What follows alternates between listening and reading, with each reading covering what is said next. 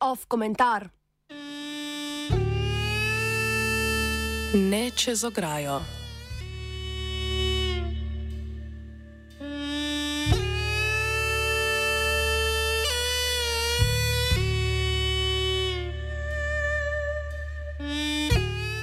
Parlamentarni odbor za notranje zadeve bo v petek po nujnem postopku obravnaval novelo zakona o tujcih. Prav tako po nujnem postopku bodo novelo skupaj z novelo zakona o zaposlovanju tujcev obravnavali in predvidoma tudi v dveh branjih potrdili na plenarki državnega zbora prihodnji teden. Spremembe zakonov bodo sprejete po manj kot treh tednih razprave, odkar so 9. marca zadnja predloga novel obeh zakonov objavili med gradivi za obravnavo na seji vlade.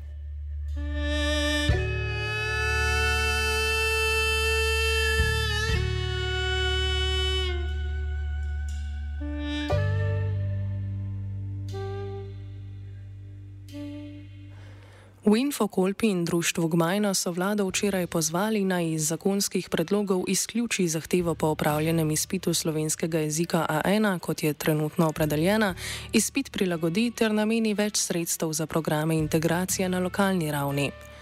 Znanje slovenskega jezika na vstopni ravni kot pogoj za izdajo ali podaljšanje dovoljenja za prebivanje zaradi združitve družine je pred dvema letoma v zakon v tujcih uvedla vlada Janeza Janše.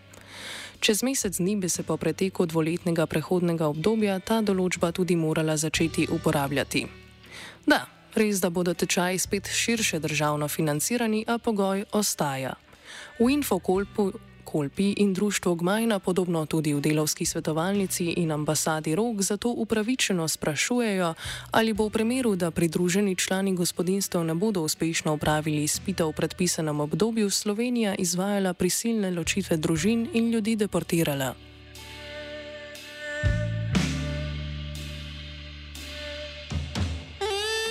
Zakaj očitno nacionalističnih in, če ne bi poznali rasističnih domislic notranjih ministrstv od izbrisa dalje, brez potrebe škodoželjnih ter nevarnih določb pretekle vlade, nova vlada ne bo odpravila?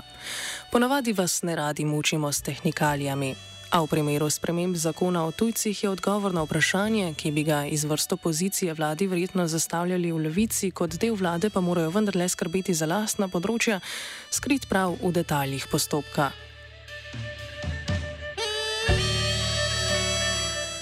Tatjana Bobnar se je prenove zakona o tujcih, zakona o mednarodni zaščiti in nima sorodnih zakonov lotila veliko potezno.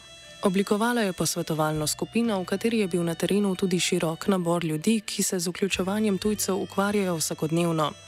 V iskrenost obljub Tatjane Bobnar zaradi njene upletenosti v izvajanje pushbackov, ko je bila še generalna direktorica policije, sicer lahko dvomimo.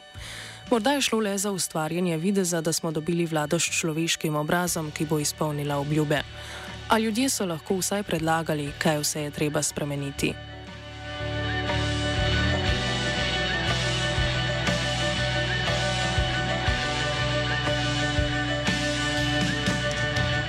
Od odstopa Tatjane Bobnar se posvetovalna skupina ni sestala več. V času nadomestnega ministrovanja Sanje Ajanovič-Hovnik so na ministrstvu bolj skromno pričeli govoriti o manjših spremembah zakonodaje, ki jih je treba sprejeti po nujnem postopku, celovito prenovo pa naj bi izvedli kasneje. 14. februarja so med vladnimi gradivi o obravnavi objavili predlog novele zakona o tujcih.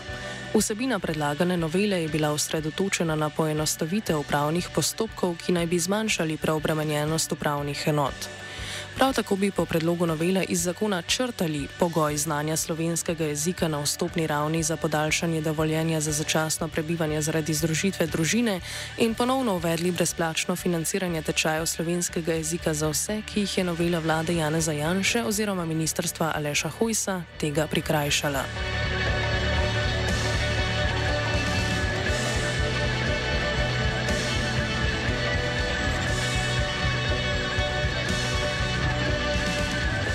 Teden dni po objavi predloga novele je vodenje notranjega ministrstva prevzel Boštjan Poklukar. Nemudoma je zamenjal vršilca dolžnosti direktorata za migracije in kmalo so na ministrstvu, na ministrstvu objavili nov predlog novele zakona o tujcih. 9. marca je tako med vladnimi gradivi že bil predlog novele, ki je znova predvidel uvedbo pogoja znanja jezika za podaljšanje dovoljenja za začasno prebivanje zaradi združitve družine. V ostalih delih predlog novele sledi prvotno predlaganim sprememba, spremembam, a novi minister se je za pogoj, ki ga je uvedla Janševa vlada, več kot očitno odločil, da mora ostati. Vse, kar je levica za zdaj uspela izpogajati, vsaj po zagotovilih poslanke Nataše Sukič, je dvoletno prehodno obdobje, preden bi se pogoj znanja jezika začel uporabljati. To novo nacionalšovinistično politiko, pri kateri se je poklukar v mislih ujel s hojsom, seveda zgolj preloži, ne pa odpravi.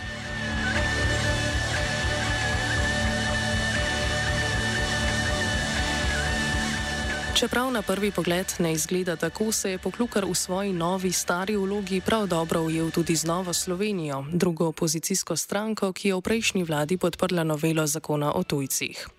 Potem, ko so mediji na čelu z dnevnikom začeli pisati o sumljivih okoliščinah, v katerih je podjetje Mini zmagalo v postopku javnega naročanja za odstranitev ograje na meji s Hrvaško, so v Novi Sloveniji zahtevali sklic nujne seje parlamentarne komisije za nadzor javnih financ.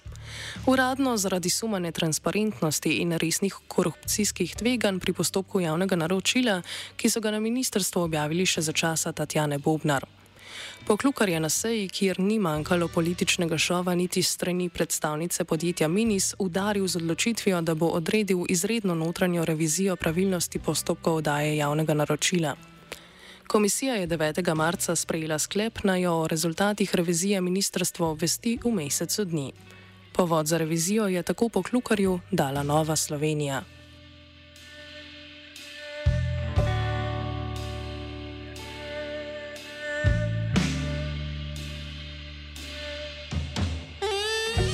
Družba Minis je med podjetji, ki so ograjo in žico že postavljala. Še se lahko spomnimo tajnih poslov Zavoda za blagovne rezerve pod ministrstvom zdravka Počivalška in Vladomira Cerarja, ki so jih po odločitvi informacijske pooblaščenke morali razkriti. Nedvomno so bili sumi o nepravilnostih pri izbiri postajalcev, postavljavcev žice in ograje razumljivi. Da nimo po prvi pogodbi, ki jo je z Zavodom za blagovne rezerve podjetje Mini sklenilo novembra 2015, je v primeru 70-odstotnega vnaprejšnjega plačila Mini z Zavodu zagotovil dobavo žice, kar na dan podpisa pogodbe. A tu nam ne gre za obnavljanje vseh smrdljivih podrobnosti postavljanja žice in ograje.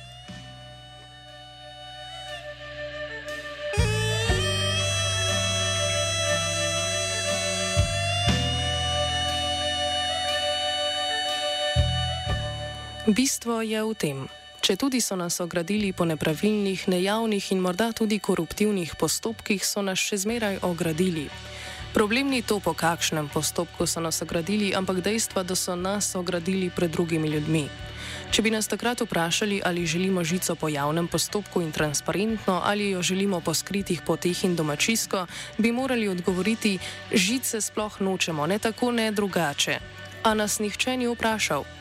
Danes nam notranja revizija oddaje javnega naročila za odstranjevanje ograje zastavlja vprašanje. Bi raje videli, da je ograja odstranjena, pa čeprav v sumljivih okoliščinah, ali da ograja ostane.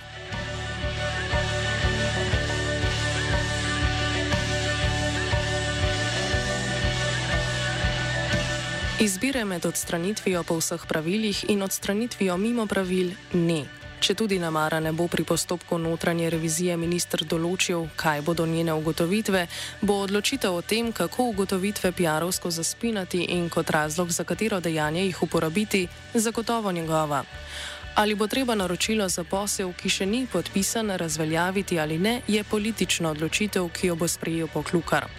Ali bodo ograjo v tem mandatu začeli odstranjevati, je politična odločitev v rokah ministra, ki je v svojem prvem mandatu ograjo postavljal.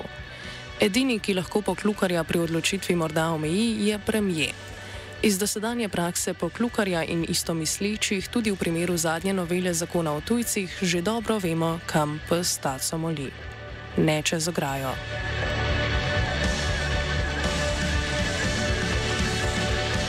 Komentiral je Martin.